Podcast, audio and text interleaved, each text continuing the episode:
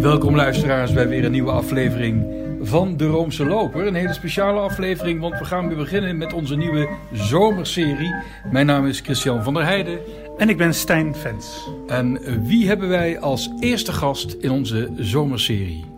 Ja, als ik allemaal ga vertellen wat deze man in zijn leven gedaan heeft, dan is die aflevering voorbij voordat je het weet. Maar het is Jacques Leuters. Voor mij hebben ooit bekend geworden, in mijn leven gekomen door de legendarische cabaretgroep Donkey Shocking.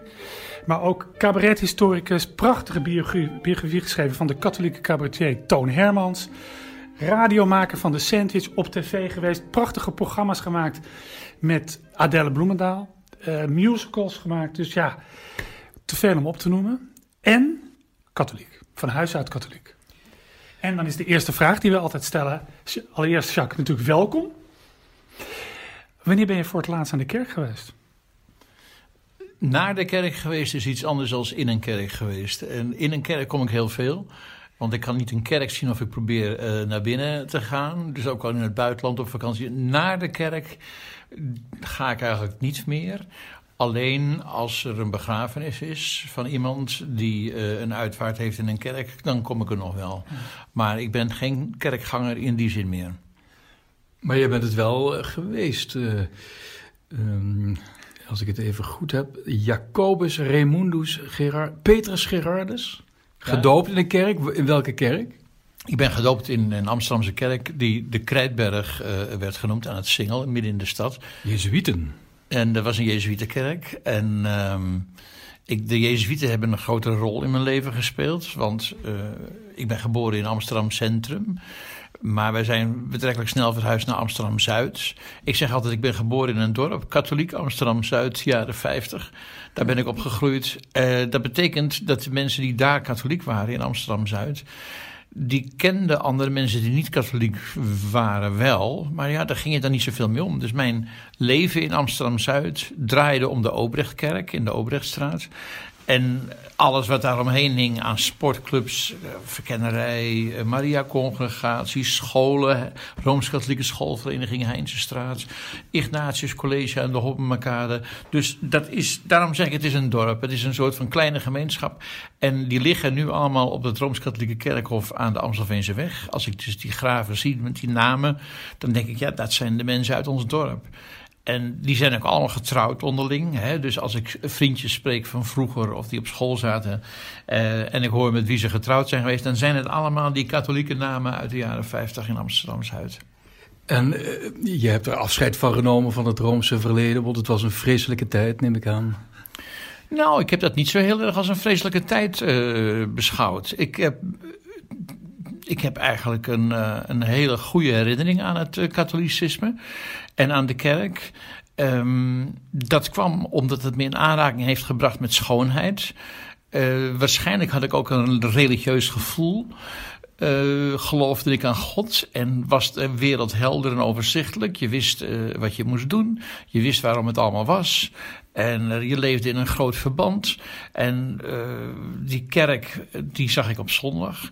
En dat was een feest van licht en kleur en goud en, en een wierook en uh, muziek. En die muziek was van Mozart of van Monteverdi. Mooier bestaat eigenlijk niet. Daar speelde ik een rol in. Want ik was vanaf mijn achtste was ik zanger op het koor. En ik was een goede zanger, dus ik mocht ook die soli zingen uh, op dat koor.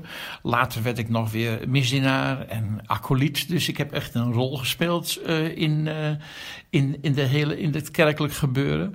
En um, ik ben nooit betast of ik heb nooit echt onaangename dingen. Ik wilde het net vragen. Nee, nee, nee, nee, nee. Ja. Geen onaangename dingen. Dus ik heb, ik heb me daarvan losgemaakt. En ik heb me op de een of andere manier uh, interesseerde het op een gegeven moment minder. Maar ik heb daar geen akelige herinneringen aan. Is, is jouw liefde voor het theater misschien daar begonnen? Dat denk ik niet, maar uh, het heeft wel iets heel theatraals. En ook in die tijd dat ik over het altaar liep als acolyt en zo, in de nachtmis en zo, uh, had je een hele theatrale functie. En, en, kwam je ook op. Daarvoor was je nog een jongen geweest met klapkauwgom in zijn mond. Of uh, met uh, Roy Roggers plaatjes of in zijn zak. en plotseling liep je in een toog en superpliet door die kerk. En trok je een ander gezicht, acteerde je dus eh, eh, en, en voelde je ook verbonden met iets heel hoogs.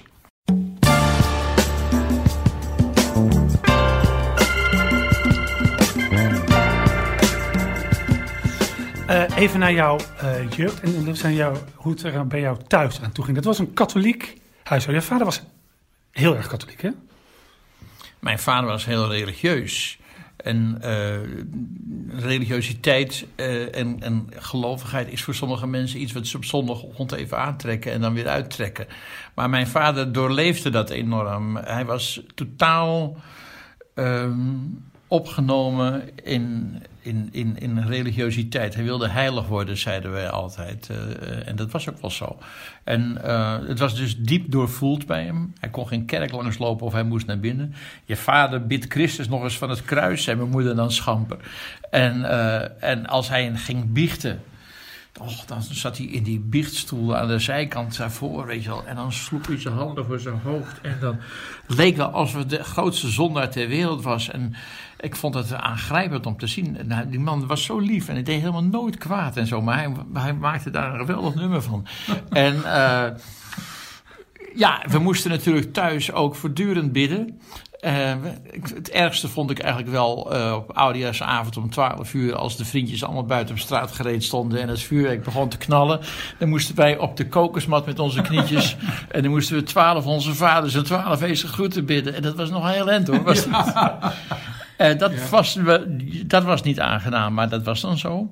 En um, ja, hij was een hele religieuze man geloofde niet alleen in God, maar uh, wenste zelf ook God te worden. hij wilde, nou, ja, hij las bijvoorbeeld um, veel religieuze boeken. De navolging van Christus bijvoorbeeld, dat kende hij ongeveer uit zijn hoofd. En, en, en dat soort dingen. Hij geloofde ook in het, in het gezag van de bisschoppen en van de pastoor en zo. Dus de moraal bij ons thuis was ook heel streng katholiek. Ja. En ehm, daar had ik het als opgroeide wel moeilijk mee. Maar aan de andere kant, nu ik zo terugkijk, denk ik, het was ook nog niet zo kwaad, die moraal waar hij eh, voor stond. En ik vond het toen een zemelaar. En ik heb het nooit meer met hem over kunnen hebben. Ik weet ook niet hoe ver hij zich zou hebben ontwikkeld. Want ik, ik was 23 toen hij stierf, dus hij is nu 48 jaar dood. En uh, soms ben ik wel eens nieuwsgierig of hij nog altijd in de moederschoot ja. uh, gebleven zou zijn, of dat hij zich ook ontwikkeld had en uh, uh, eruit was gegaan. En, Want jij beschouwt het eruit gaan als een vorm van ontwikkeling? In mijn geval wel, ja. In mijn geval wel. Kijk, ik heb het idee gekregen ooit dat, dat die heilige boeken die in de woestijn geschreven zijn, uh, 2.500 of 3.000 jaar geleden, dat die toch niet meer adequaat antwoord bieden op, op levensvragen van nu, van hier, van, van 2000 na Christus. Ook niet het Nieuwe Testament? Nee, eigenlijk niet, nee. Hm. En uh, ik kreeg ook het idee dat je eigenlijk drie facetten hebt. Je hebt um, het verhaal. Het is het verhaal van, van Jezus Christus. En dat verhaal, en ook helemaal het Oude Testament, dat wordt elke 50 jaar totaal anders verteld en anders geïnterpreteerd. Dat had ik al vrij snel in de gaten, omdat toen ik in 1958 op school kwam, toen liepen die paters allemaal nog in toga en uh, en met breukbanden om die Jezuïeten. En moesten we elke ochtend naar de kerk en was het allemaal in het Latijn. En uh, et introit ja, en, uh, en, en roffelen het allemaal op. En, uh, en toen ik van school afging in 65, ja, toen stonden die paters, die waren voor de helft homoseksueel. De andere helft uh, stonden ze te zoenen in een telefooncel. En er was nog een enkeling die was overgebleven en die was nog uh, in functie, was nog jezuïet. Maar die fascinerende culturele breuk, die heeft vijf, zes, zeven jaar geduurd. Die heb ik dus aan de lijve meegemaakt. Want het Ignatius College was eigenlijk de proeftuin van het katholicisme in Nederland. Dus wij hadden daar Van Kilstonk rondlopen, we hadden daar Oosterhuis rondlopen, we hadden Ant van Omen, we hadden Huibers. Allemaal grote namen in de, in de, in de liturgie. Nu, dat is dus punt 2. Punt 1 was dus het verhaal wat elke keer verandert, opnieuw uitgelegd wordt en een geheel andere inhoud krijgt. Ik groeide op met een verticale God die hoog in de hemel zat en uh, alles ons is. En uiteindelijk, wat ik daar op Ignatius kreeg, uiteindelijk te horen kreeg, was of een God in jezelf, of een God tussen de mensen, of de God stemde PPR. Uh, en, en was vreselijk bezig putten te slaan in Afrika. Uh, ik bedoel, dat was een heel ander verhaal. Uh, totaal andere interpretatie. de derde, het tweede punt is dus de, de, de liturgie. En ik had een grote liefde voor de oude liturgie. Die heb ik nog. En uh, die liturgie beschouwde ik als een kunstwerk die in eeuwenlang was overgeleverd in het Latijn. Die daar in de verte op het altaar geschiedde met de, met de rug naar, naar de gelovigen. Met veel prachtige gezangen en zo. Ik had er ook wel kritiek op, want dat is ook onbegrijpelijk en zo. Maar ik vond het ook iets van enorme schoonheid. En uh, toen werd dat vervangen onder mijn ogen, waar ik ook aan meedeed, door de liedjes van Huub Oosterhuis en, en, en Pater Huibers. En ik hield niet van die taal. Ik vond dat eigenlijk een soort van B-Gerrit Kouwenaar. Van eh, stenen en, eh, weet je wel, en water. Vuur en, ijzer. Vuur en ijzer. Ja. Ik denk, ja, het zal wel. Dus ik, ik, ik werd niet echt gegrepen door de taal van Oosterhuis.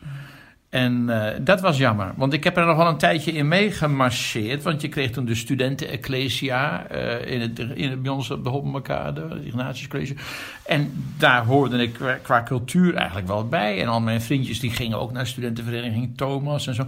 Maar nee, ik werd toch eigenlijk van een heel andere gemeente uh, lid. namelijk van de provo's en van de contesterende studenten. En daar kwam een heel ander geloof voor in de plaats.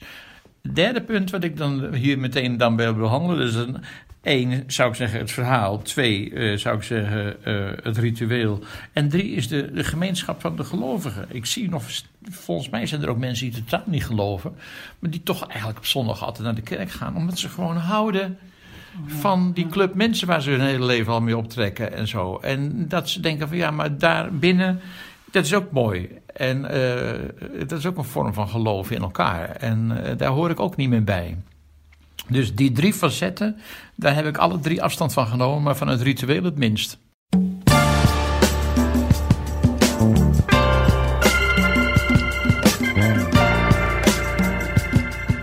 Je sprak over de Jezuïeten. Kunnen we zeggen dat een, een van de bekendste Jezuïeten is Johannes Roodhaan.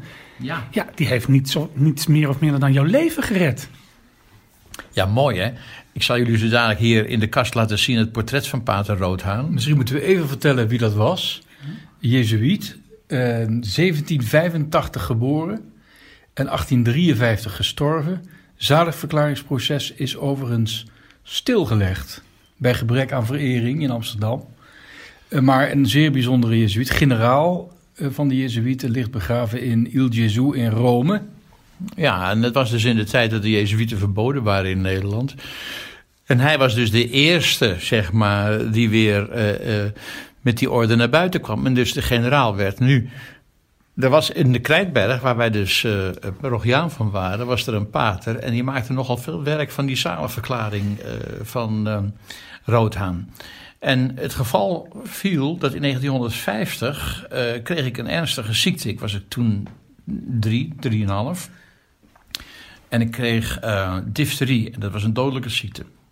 En uh, ze hebben me opgegeven. En uh, ik lag met een dichtgesnoeide keel lag ik in het ziekenhuis. En mijn ouders besloten na overleg met die pater daar van de Krijtberg... om een, een medaille van pater Roodhaan met een stukje van zijn gebeente erin... op mijn pyjamaatje te hangen. En er werd flink voor me gebeden, want mijn vader was buitengewoon uh, gelovig. En geloofde ook heel erg in Pater Roodhaan. Er werden ook nog andere buurtbewoners ingeschakeld om voor mij te bidden. En er werd ook een novene werd erin. Uh, dat is dus een, dat je al, negen dagen lang geloof ik uh, moet bidden. In ieder geval de koortsweek. Ik genas. En het was zeer duidelijk dat het het onmiddellijk ingrijpen van Pater Roodhaan was geweest ik heb dat jarenlang, heb ik dat uh, schouderophalend, heb ik dat voorbij laten gaan. Maar toen mijn ouders gestorven waren en ik in de nalatenschap een uh, portret van Pater Roodhaan zag, toen dacht ik, ja, ik moet die man toch niet op de schroothoop gooien. Ik bedoel, of het nou waar is of niet waar is. Mijn ouders hebben erin geloofd. En ik respecteer mijn ouders daarin door, door ook dat portret van Roodhaan nog weer in mijn leven te houden. En eh, dat heb ik dus gedaan. Toen heb ik daarover gepubliceerd in eh, een boek wat ik geschreven heb. En toen werd ik op een zeker moment in een café benaderd door een meneer. En die zei: Ik vind dat u erg sympathiek schrijft over de Jezuïeten. En over Pater Roodhaan. Hij zei: Dat spreekt mij enorm aan. Ik zeg: Waarom spreekt u dat aan? Nou, zegt hij. Ik ben pastoor van de Krijtberg geweest. En ik heb ervoor gezorgd dat er een ontzettend mooi portret van Pater Roodhaan in zilver eh, in die kerk staat. Ik zeg, oh, ik zeg, pastoor van de Krijtberg, en uh, dan moet u een Jezuïet zijn. Hij zegt, ja, ik ben nog altijd Jezuïet. Ik vind het ook erg aardig wat u schrijft over de Jezuïeten en zo. En uh, neem nog een borreltje van me. Dus wij zaten nog gezellig uh, aan de oude Jenever. En hij vertelde dat hij Jan Stuit heette. Oh, en dat zijn grootvader de kerk, de Obrechtkerk, gebouwd had. En hij vertelde dat hij secretaris van de generaal van de Jezuïeten was. Uh, en dat hij dus voortdurend tussen Antwerpen en Rome en Amsterdam heen en weer reisde. En dat hij uh, ook heel veel vluchtelingenwerk deed. Een ontzettend interessante en aardige man. Die en ook nog wist te vertellen wat er van mijn oude leraren op het Ignatius College was geworden. Die natuurlijk nu allemaal dood zijn. Maar hij vertelde dus dat het archief van de stichting Pater Roodhaan in Antwerpen in een katholiek archief te vinden was. Dus ik ben meteen afgereisd naar Antwerpen. Want ik dacht van misschien, ik kon me niet anders voorstellen dan dat mijn vader die spontane genezing van mij, die helemaal in het licht had gezien van Roodhaan, dat hij dat gebruikt zal hebben om bij die stichting te zeggen: hier is een wonder geschied. Dus daar moest correspondentie over zijn. Dus daar ben ik achteraan gegaan. Dus ik heb het archief in Antwerpen doorgespit. En inderdaad, op voorspraak van Jan Stuit, uh, die dus ervoor gezorgd heeft dat ik daarin mocht. Ik heb daar interessante dingen gevonden. Het bleek dus inderdaad dat er verdomd weinig uh, uh, genezingen plaatsvonden op, uh, onder de naam Roodhaan. Maar dat die voor mij wel degelijk genoteerd stond. Aha. En triomfantelijk uh, binnengehaald was. En ik vond dus een brief van mijn vader. Waarin uh, mijn ziekte beschreven werd. En, en dat was ontroerend. Hè? Dat was zeer ja. ontroerend, ja. Ja, ja, ja. ja, ja. En ja, dat, dus dat zaligverklaringsproces. Ja, ik vind eigenlijk dat dit interview het begin moet, het begin moet zijn van de doorstart. Want het wonder is er al dus al. Ja, maar jij, jij, jij gelooft er niet echt in, toch? Pater Roodhaan heeft het helemaal niet nodig dat je er echt in gelooft. Nee, nee, nee. Over niet geloven gesproken. Um, uh, jij hebt je wel verdiept in gelovige cabaretiers. Hoe zij met het geloof omgaan. Is dat iets voor jou? Om daar totaal anders mee om te gaan. Dat je dat, het geloof wat je ooit gehad hebt... niet om dat weer te aanvaarden... maar om dat zeg maar, op een ironische wijze weer te cultiveren. Daar heb ik wel iets aan gedaan, ja. En ik weet niet of je daarop doelt, maar ik heb ergens in de jaren tachtig met een aantal vrienden die ook van katholieke huizen uh, uh, waren, um, heb ik een plechtige hoogmis uh, gebracht als een soort van theaterstuk. Vanuit het idee van het was een prachtig kunstwerk. Dat is door de katholieke kerk bij de vuilnisbak gezet. Wij halen het daar weer vandaan en wij voeren het opnieuw op. Dat hebben we gedaan in Paradiso. Het heeft ons enorm veel moeite gekost om missale kasuivels, uh, alle, alle paraphernalia die erbij uh, horen te vinden. Want men dacht dat wij een soort van duivelsmis zouden opvoeren. Dat was helemaal de bedoeling niet. Het was ook niet uh, blasfemisch bedoeld. Wat wij wilden was een zo getrouw mogelijke kopie opvoeren van hoe een plechtige hoogmis in de jaren 50 ging. En we hadden dus iemand inhoudelijk die er alles van wist. Dat was zijn hobby. Dat was een boekverkoper van de Atheneumboekhandel.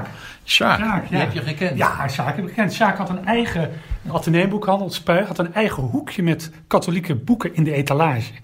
En hij, hij, hij heeft me ooit geweigerd een, boek te, geweigerd een boek te verkopen omdat hij het zo slecht vond.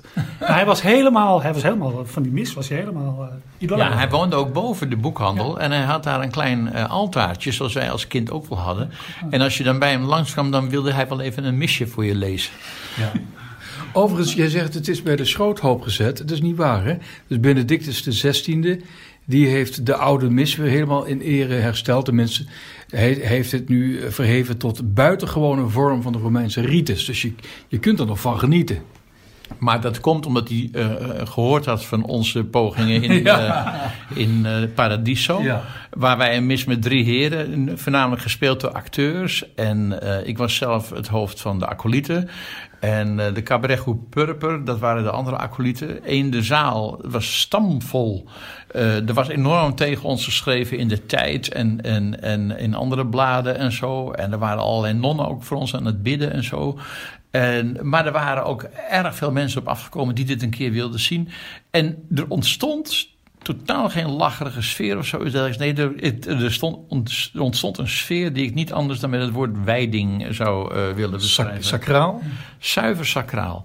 Maar bedoel je nou, als, als de kerk nog had vastgehouden aan uh, wat dan de oude mis heet, die hele liturgievernieuwing van Trente. Van ja, buiten, die hele, als ze nou die hele liturgievernieuwing buiten beschouwing hadden gelaten, was er dan een kans geweest dat je, dat je was gebleven? Of was er toch, ja, je schrijft ergens in, jou, in jouw uh, prachtige uh, memoires, je noemt het zelf mijn journaal. Ik stapte uit, de, het was als stappen uit de zandbak. Dat heeft inderdaad iets te maken met opgroeien. Ja, dat is een citaat van uh, de dichter Lodijs. Hè? Ik stapte eruit als een kind uit de zandbak. En um, daar wilde ik eigenlijk mee zeggen dat ik niet een, uh, terug kan kijken op een enorme worsteling of zoiets dergelijks. Wat ik wel hoorde van mensen, dat ze geweldig met het geloof worstelden. Vooral stand hebben dat, hè? Zo'n Maarten het Hart heeft toch zijn hele oeuvre daaraan te danken? Ja, ja nee, dat heb ik helemaal niet gehad. Ik, ik, ja... Het was een culturele verschuiving. Ik zat plotseling in een totaal andere culturele sfeer. En ik was ook wel enigszins cynisch. En ik was ook wel. Ik stelde vragen die het katholicisme niet kon beantwoorden. Ik had ook gewoon dat ik dacht van ja, maar zou het nou werkelijk zo zijn? Als je de hele geschiedenis van de mensheid bekijkt, uh, die zal toch wel 10, 15, 20.000 jaar lang duren. Daar hebben ze voortdurend allerlei goden hebben ze bedacht. En dat die God van Pater uh, Oosterhuis uh, en van Kilstonk, dat dat de enige ware God is op die hele wereldgeschiedenis. Dat is statistisch gewoon niet mogelijk. dat soort redeneringen had ik. Daarbij las ik natuurlijk ook wel schrijvers. Ehm, in die jaren 60, waarin ik het nu over heb. Hè. Dus zeg maar dat ik zo rond. Ik ben nog katholiek getrouwd in 1970. Zo. En de, de, de priester die ons. Uh, uh, in 1970, want toen was, toen was de, de, de, de provo-tijd al voorbij. Ja, toen was de provo-tijd al voorbij. Ik denk ook dat het te maken had met druk uit de familie en uh, conventies. En dat ik mijn vader op het laatst van zijn leven dat plezier ook wilde doen. Het was in de kapel van het Ignatius College en het werd uh, uitgevoerd door Pater Velenturf. Uh, Vert Velenturf, die op de avond van natuurlijk ogenblikkelijk uit de orde gestapt is en homoseksueel uh, samen is gaan wonen met een ander en nooit, nooit meer iets in de kerk heeft gedaan. Maar dit genoegen wilde hij mij nog ja. bereiden. Ja. Wij zitten, ehm, de tijd gaat snel hè. Gezelligheid kent geen tijd. We gaan even een plaatje draaien. Heb jij een verzoekje? Aan Luther en de anderen.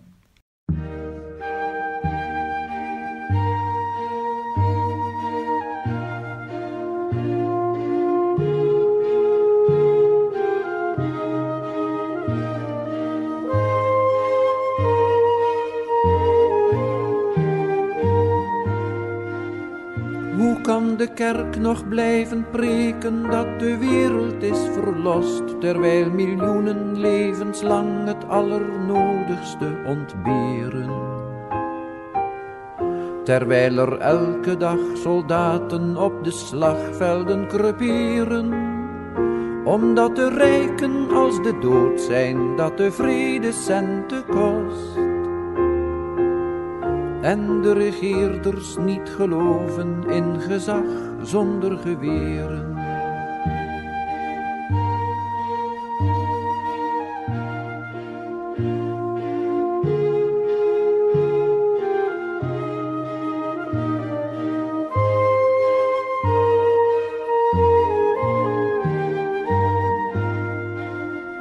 Hoe kan de kerk maar steeds herhalen dat wij allen zijn bevrijd? Terwijl van uur tot uur de vreselijkste gevaren ons bedreigen. Terwijl de noden en problemen in getal en omvang stijgen en de vooruitgang steeds gebonden is aan geldelijk profijt. En zij die vragen om het recht, zullen het vragend nooit verkrijgen.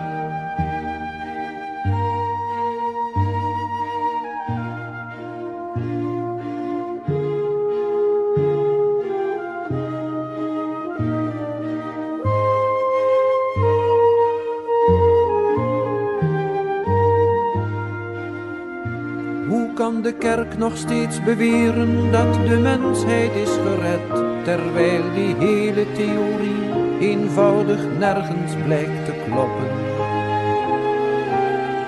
Er is geen God meer en geen duivel om je achter te verstoppen. Er is geen macht in het heelal die ons de ondergang belet. We zullen het samen moeten doen, of we gaan samen naar de knoppen.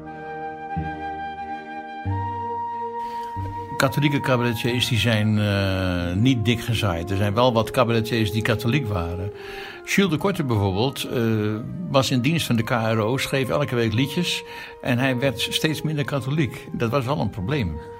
Want hij moest over Pasen en over Pinksteren en over Kerstmis en over eh, eh, Maria ten Hemel opnemen. Moest hij allemaal liedjes schrijven. Maar daartussendoor schreef hij dus ontzettende kritische liedjes. En een van de mooiste vind ik wel het lied Aan Luther en de anderen. Waar we net naar geluisterd hebben. Maar dat is een beeld, kijk, dat, dat beeld van God, hè, van eh, die God die zit zo hoog in de hemel. En ondertussen sterven overal ter wereld kinderen aan eh difterie, zou ik maar zeggen. Dat godsbeeld, heb jij, heb jij dat ooit gehad? Van God die, die bestuurt en eh, hier en daar hier een plaag en daar een watersnood en hier wordt iemand gered. Ja, dat, eh, dat had ik in mijn kindertijd natuurlijk wel. Een persoonlijke God die het allemaal zag en zo. En eh, eh, aan wie je verantwoording zou moeten afleggen. Maar dat is toch eigenlijk wel vrij snel verdwenen. Op een gegeven moment dacht ik van nou, er is wel een schepper geweest die het allemaal gemaakt heeft. Maar ik geloof toch niet dat hij me voortdurend in de gaten houdt. Hij kan zijn tijd wel beter besteden. En later dacht ik weer van ja, maar die schepper, ik wil de evolutie en al die dingen meer begonnen tot me door te dringen. En toen ging ik dat ook wel ernstig eh, betwijfelen. Maar ik ben nooit iemand geweest die iets riep van waarom ik, waarom word ik zo getroffen en zo. Want dat vind ik eigenlijk heel raar als mensen dat hebben. Want als het goed met ze gaat, roepen ze ook niet waarom ik. Maar Jacques, jij hebt gezeten bij de Jezuïeten. Ja. Daar liepen toch geesten rond, nietwaar? En die hebben jou niet kunnen behoeden voor dit soort kinderlijke godsbeelden. Ja, jullie hadden eh, in de Jezuïetenorde Teilhard de Chardin, evolutietheoreticus en Jezuïet. Ja, in die tijd dat ik op het Ignatius College eh, rondliep, toen was die hele zaak in beweging. Die paters eh, die liepen allemaal rond met Teilhard de Chardin onder hun arm. En met het boek Honest to God, wat ook een, eh, een enorme Norman Brown, geloof ik, ook nog iemand. En die paters, met name de jonge paters, die geloofden zelf al vrijwel niet meer. Dus die gaven les over Sartre en over Camus. En, en het ging over Kierkegaard. En, en dus die paters die helemaal vast nog zaten in, in, in het traditionele geloof, die kwamen bij ons nauwelijks meer aan het woord. Dat heeft de zaak natuurlijk ook niet vergemakkelijkt. Omdat zij vonden bij ons weerklank, omdat wij ook aan het denken waren. En, en, en we hebben elkaar gewoon van het, katholieke, van, het, van het traditionele katholicisme weggevoerd. Met elkaar, al denkende. Ik, eh, collega Stijn, die eh, raakt mij al aan. Jij wilt naar het, eh, het, het onderwerp eigenlijk. Nou ja, ik, ik, ik kijk, Jacques is een cabarethistoricus. Absoluut, ja.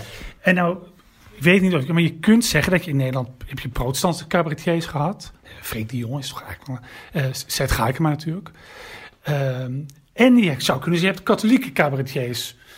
Grof gezegd, Toon Hermans, Sonneveld, Fons Jansen, die zich heel, ook heel erg best die katholieke geschiedenis bezighield. En Herman Vinkers natuurlijk, zou je ook.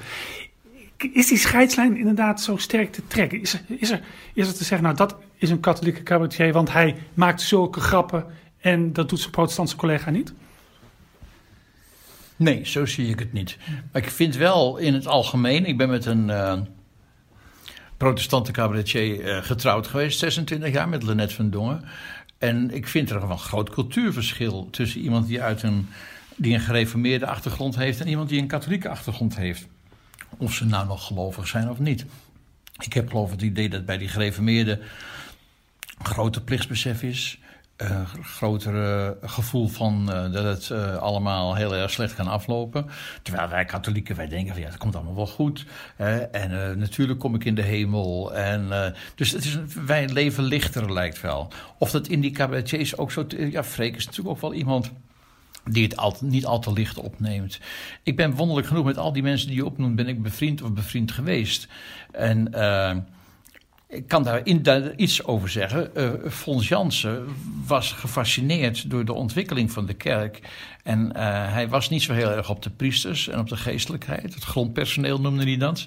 Hij was meer van de captain, zeg maar. En, en Toon Hermans, die ik het beste heb gekend van het hele stel dat, die maakte wel een enorme evolutie maakte hij mee in zijn uh, geloof. Hij was dus heel traditioneel opgegroeid in Limburg.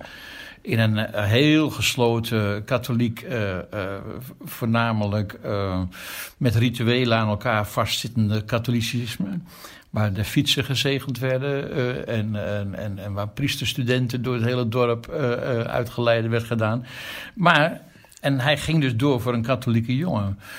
Maar hij schreef ergens in de jaren zeventig al dat hij het in de kerk niet zo goed meer kon vinden. En dat hij eigenlijk ook nooit meer naar de kerk ging. Ja, hij ging naar de kerk, maar hij ging alleen naar de consecratie en naar de communie. En daarna was hij weer weg en daarvoor was hij er niet. Hij kwam te laat? Hij kwam te laat en ging eerder weg. En hij wilde met meneer Pastoor niets te maken hebben. Meneer Pastoor vond het natuurlijk geweldig interessant dat de beroemde Tony Hermans bij hem in de kerk kwam. Maar hij hield zich enorm afzijdig. En wat ontdekte hij nou? Door een persoonlijke ehm, depressie waar hij doorheen ging. Hij ontdekte eh, dat hij uh, uh, in de natuur God vond. En hij werd een soort van pantheïst. Hij werd spinozistisch. Werd hij, zag hij God in de kathedraal van de natuur. Hij voelde zich verbonden met alles wat leeft en alles wat groeit. Dat is niet per se pantheïstisch, want Franciscus had dat ook, hè? Ja, dat is waar. Franciscus had het ook, maar dat was ook alweer een van de grote uh, uh, voorbeelden voor Toon. En uh, dat vond hij ook een geweldenaar. Maar hij vond het dus niet in de kerk. En hij vond het ook niet zo erg in de prediking, al helemaal niet. Maar hij vond het in de natuur. En hij vond het meer dan Franciscus die met de vogels praatte. Hij, hij, hij voelde het in de energie van bomen. En hij voelde het als hij met zijn handen in het gras iets vastpakte. En um, hij geloofde in een uh, godsdeel en in een, werk, een wereldlijk deel. En dan zit hij eigenlijk al bij Augustinus, denk ik, want dat is een vrij oude gedachte. Maar dat godsdeel, daar moest je grote zin te krijgen. En dat wereldlijke deel, het ego, wat we allemaal bij ons krijgen, dat moest je naar dat goddelijke gedeelte toe zien te werken. Nu, dat zijn allemaal notities van hem uit dagboeken die niet eens uitgegeven zijn. Maar hij had een groot probleem van hoe kan ik dat nou op het toneel vertellen? Want daar zitten de mensen natuurlijk niet uh, op te wachten op allerlei theologische beschouwingen uh, van die cabaretier. En, en toch zit zijn werk doorspekt met allerlei inzichten. Uh, en kan hij, um, heeft hij op, op verborgen manier heeft hij allerlei ideeën erin verwerkt. Waar filosofen en theologen de grootste moeite hebben gedaan om het onder woorden te brengen. En dat kan hij dan in vier regels heel mooi weergeven. Zie het verschil er ook misschien in dat, jij, jij, jij, zei het zelf al, het licht nemen, het leven, licht, licht leven. Want zo de lol van Toon Hermans en uh, ook het aantal werkelijk maatschappij-kritische conferences bij Hermans zijn toch één vinger te tellen. Of vergis ik me erin? Ja, hij was helemaal niet maatschappijkritisch. Zou dat ook niet te maken kunnen hebben dat hij zich misschien geneerde dat hij zich in, tijdens de oorlogsjaren had ingeschreven bij de Cultuurkamer. Nee, dat had er niks mee te maken erbij. Heeft hij zich niet ingeschreven bij de Cultuurkamer? Want je moest je opgeven voor de Cultuurkamer. En dat is iets anders dan inschrijven. Wat is het verschil dan? Nou, iedereen die wilde zijn beroep uitoefenen in de oorlog... en die moest daarvoor een bewijs hebben dat hij aangemeld was bij de Cultuurkamer. En uh, daar hoeft hij verder niks te doen. Je hoefde nergens uh, te verschijnen of je hoeft... Het was, het was een soort van verplichting. En bij mijn weten heeft niemand of, dat geweigerd in de amusementswereld. Bij een stuk of 10, 12 toneelspelers en een enkele muzikant, muzikus... Uh, maar ook gymnastiekverenigingen, harmonicaverenigingen, al die dingen meer. Die moesten allemaal uh, een bewijs van inschrijving hebben van de cultuurkamer. Toon Hermans heeft dat zich totaal niet mee bezig gehouden. Er zat een heel andere kant aan het verhaal. Toon Hermans was iemand die kon terugverlangen naar de tijd van voor de moderniteit. Het Limburg van zijn jonge jaren, waarin alles stond in dat grote verband van God en van godsdienst. En uh, die tovertuin die er toen nog was. En daar wilde hij naar terug. Daarom ook zijn afkeer van de moderniteit. En als een grappen over moderne dingen des levens. Hij wilde eigenlijk terug naar de eenheid en naar het, uh, het simpele leven en naar het, uh, het, het, het, dat alles doordezemd werd door het godsdienst en door het gevoel. En, uh, en waar het verstand geen rol speelde, maar alleen het gevoel een rol speelde. Daar was hij mee bezig. Um, even nader het einde. Um, als, als, we naar jouw leven kijken, je, bent katholiek geweest. Je, bent, je hebt die kerk verlaten. Je bent uit de zandbak gestapt. Toen werd je, zou ik zeggen, provo, links, Vrij Nederland. Um, als we nu kijken, je bent begin 70 hè? Ja, waar hoor je nu bij? Ik probeer eigenlijk nergens bij te horen. Ik ben een soort van randfiguur. Ik hoor niet bij de literatuur, ik hoor niet bij het amusement, ik hoor niet uh, bij de kunst. Uh, maar daar zit een soort van een vrije ruimte tussen al die gebieden. En daar hebben altijd mensen rondgezworven waar ik me verwant mee voel. Uh, met Wolf Bierman of met Boris Vian of weet ik veel, met Brederode of weet ik veel. Er zijn allerlei figuren in de wereldgeschiedenis waarvan ik denk, oh ja, dat zijn ook dolers en mensen die zich langs de randen van de maatschappij ophouden. En uh, ik ben me de laatste jaren veel meer gaan bezighouden met filosofie. En uh, dat is voor mij een hele leuke en interessante uh, verkenning. Ik ben in 1999 heb ik de televisie het huis uitgedaan en toen ben ik Nietzsche gaan lezen. En ik heb dus het verzameld werk van Nietzsche doorgewerkt, wat voor mij een enorme eye-opener was, omdat die man overal tegenaan... Ah, jij bent nog in de Nietzsche-fase. Nee, daarna ben ik in de Kierkegaard-fase ah, dat... terechtgekomen. Aha. Heb ik uh, uh, veel van Kierkegaard gelezen. En op het ogenblik, als je het zo wil zien, ben ik in de Spinoza-fase. Ah. En dan zijn we weer terug in Amsterdam. En dan zijn we terug in Amsterdam. Spinoza is een uitzonderlijk lastig te begrijpen en uh, moeilijk uh, te doorgronden filosoof. Maar het levert je ook wel heel veel op als je daar diep op ingaat. En uh, ik ben nu al een jaar bezig met de ethica van, uh, van, uh, van hem. En hij gelooft dus niet in God. In ieder geval niet in een, in, in een bestaande God. En, maar hij zegt ook niet dat, dat, dat er geen God is. Hij ziet die God in het bestaande.